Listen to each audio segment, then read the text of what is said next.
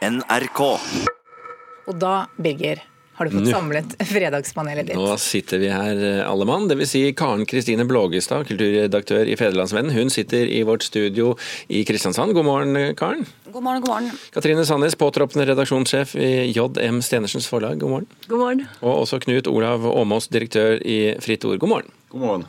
Ja, første spørsmål denne uken det er altså om polske myndigheter som ber Netflix endre en dokumentar som plasserer konsentrasjonsleirene Auschwitz, Treblinka og Sobibor i Polen. Uten å vise at landet var under tysk okkupasjon da dødsleirene ble bygget. Og denne dokumentaren den handler om krigsforbryteren John Demanchuk.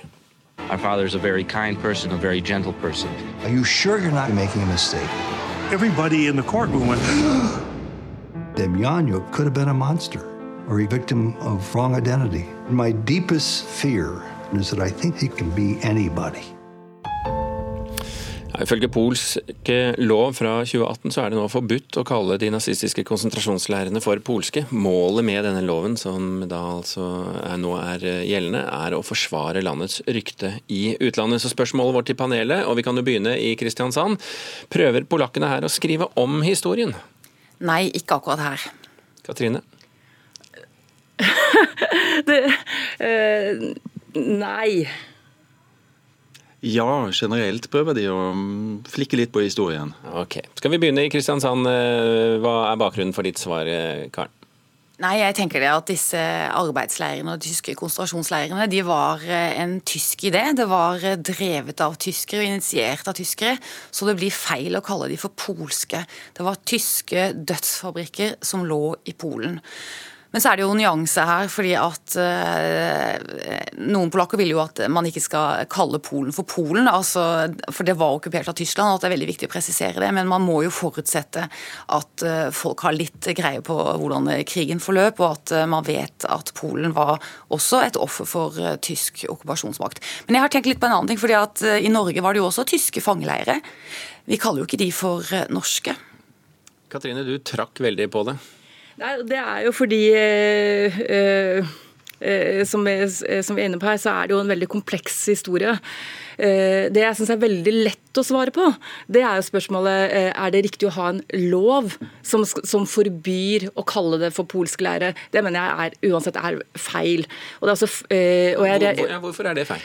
Jeg, altså, jeg tenker at Dette her må man jo regulere gjennom altså, Skal man forby en bok?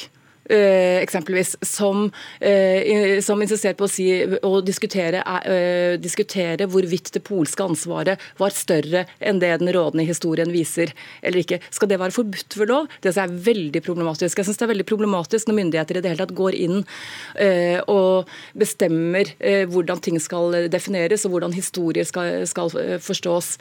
Så Det er jo det jeg reagerer på i, i denne saken. Eh, At man som polakk eh, emosjonelt og vil bli rasende over, eh, over at de tyske konsentrasjonsleirene blir omtalt som polske, det synes jeg er, er lett å forstå. Mm. Åmås, Netflix gjør vel ikke noe galt her, rent bortsett fra nøyaktig denne loven? Nei, altså, eh, På dette kartet som jeg skjønner er fra 1991, så, så vil jo da datidens leir Auschwitz ligge i eh, nåtidens Polen.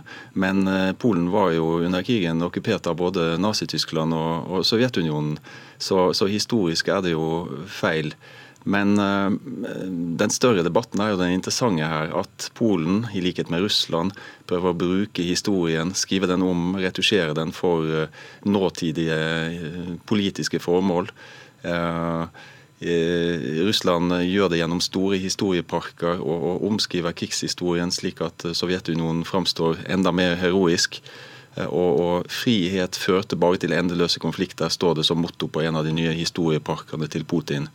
Og, og litt på samme måte er det i eh, Polen. Der er det nå i historieskrivingen til regimet bare plass til helter og martyrer, og f.eks. ikke polakker som er antisemittiske og myrder jøder eh, før, og under og etter krigen.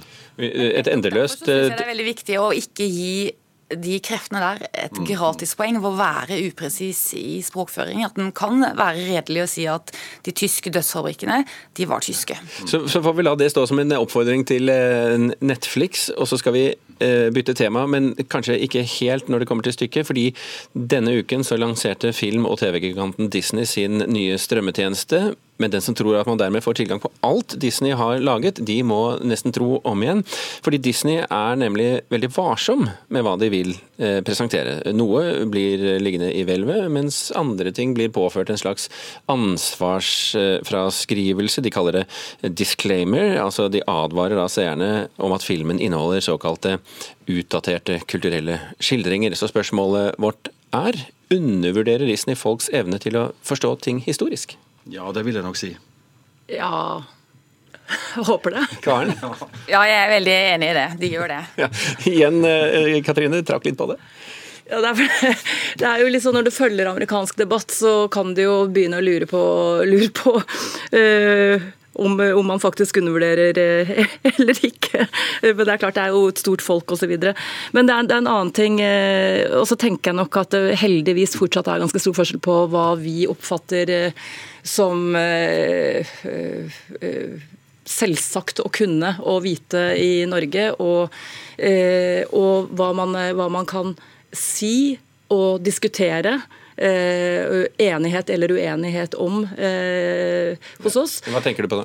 Nei, nei, jeg tenker jo, tenker jo på, på spørsmål om svarte, eksempelvis. Da. Skal vi kunne vise en, vise en film hvor man eh, fra, fra, en gammel film Eh, med, eh, hvor svarte fremstilles på en eh, bestemt måte. Ja, eller kalles neger, eller ja. ja. Jeg tror jo at det finnes et større klima i Norge for å, for å kunne si at det, det skal, må vi vise fordi det, var, fordi det var sånn det faktisk var den gangen. Karen, ja, jeg ser jo at Katrine har et poeng. Jeg syns jo også konteksten i USA f.eks. er jo mye mer betent. Historien der er mye mer betent enn det det er i Norge. Men jeg er jo altså en kjempestor tilhenger av åpenhet. Og vi må være åpne om hvordan fortiden har vært, og hvordan historien har vært. Og heller tydeliggjøre, som Disney prøver på, da, at dette er et utdatert eh, kultursyn. Men åpenhet, åpenhet, åpenhet. Vi kan ikke begynne å pynte på historien, vi også, sånn som de polske myndighetene. Altså Saken om uh, Tore Sagens satire nylig viste jo uh, hvor store problemer vi også i Norge nå etter hvert begynner å få med å forstå en sammenheng og uh, forstå en sjanger. Så det er grunn til å være litt dyster med hensyn til det. Men det er interessant dette med Disney. Det vil jo bli en veldig stor interesse tror jeg, for det som blir liggende i hvelvet. Jeg blir iallfall veldig nysgjerrig på det. Det som ikke blir republisert. Så, så, det kan virke mot sin hensikt, rett og slett? Er det det du sier? Eh, sånn No platforming gjør ofte det. Det skaper mer nysgjerrighet for det som eh, blir eh, sensurert. Eller så merker jeg meg at både Pocahontas og Snøhvit har blitt slippt helt fri, uten merking og advarsler mot at dette er kulturelt utdatert. Mens andre da er blitt merka med at det er utdatert. Og det er jo, det er jo ikke Eh, sensur og direkte endring, da, som ville være en eh, historierevisjon og en omskriving.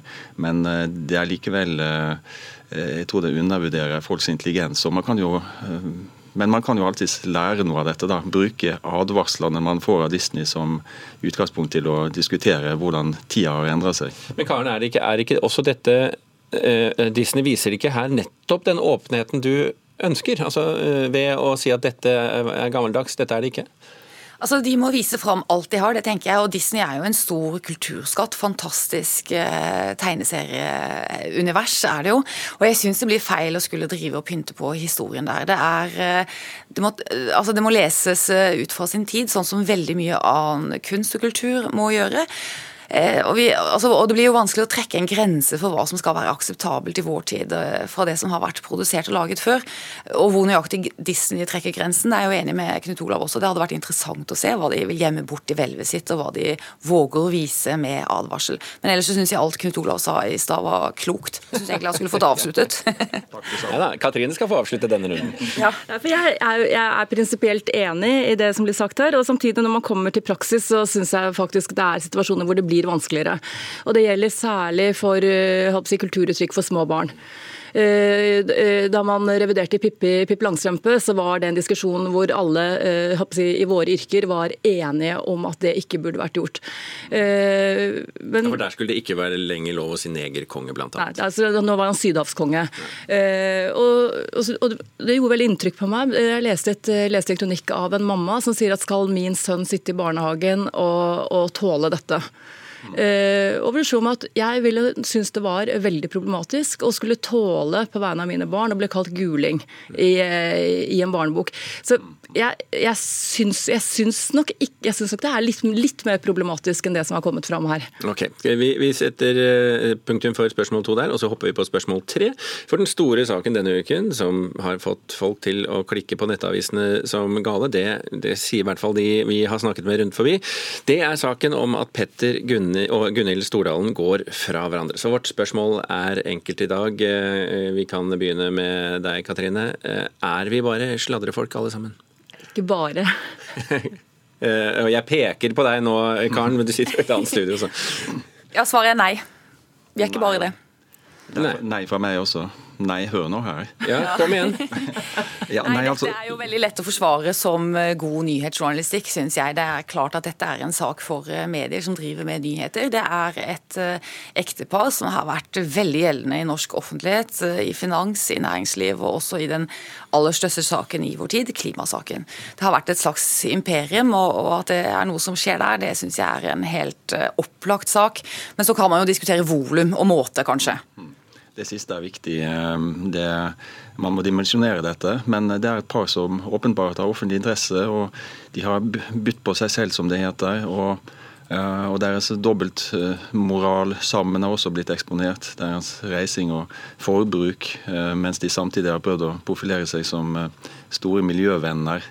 Eh, så, så, dette er ikke det verste man har sett av kjendisjournalistikk i Norge. Tvert imot. Men, men spørsmålet Katrine, var jo knyttet til oss som mennesker, vi som dras mot disse sakene. Ja, nei, jeg, jeg, har nesten ikke fått det med meg. Men jeg tror den eneste skilsmissen jeg har vært opptatt av i mitt liv noen gang, var mellom Charles og Diana. Men, men, men, jeg må jo si at jeg blir jo veldig forbløffa likevel. Jeg hører, jeg hører dere sier at, sier at, de er viktige aktører i, og, og, og, i offentlighetens interesse osv. Men men jeg blir forbløffa over at en av Norges største aviser setter seks journalister på, på å dekke det. Da tenker jeg, altså, Det er jo litt sånn at man lurer på er dette, det, det må da være et slags endetidstegn? ja, vi, vi, vi, var dekket dette vi også i NRK, altså bare så vi ikke Vi, vi må fordele skyldene. Ja, Endetid er nok ikke her, men, men uh, flere medier burde sette litt uh, klare grenser. For det blir, det blir uh, sladderjournalistikk og tom kjendisjournalistikk ut av det det. Jeg setter en klar grense her, eh, for Fredagspanelet i hvert fall. Eh, tusen hjertelig takk, Karen Kristine Blågestad med oss fra Kristiansand, Katrine Sandnes og Knut Olav Åmås for at dere utgjorde dagens Fredagspanel.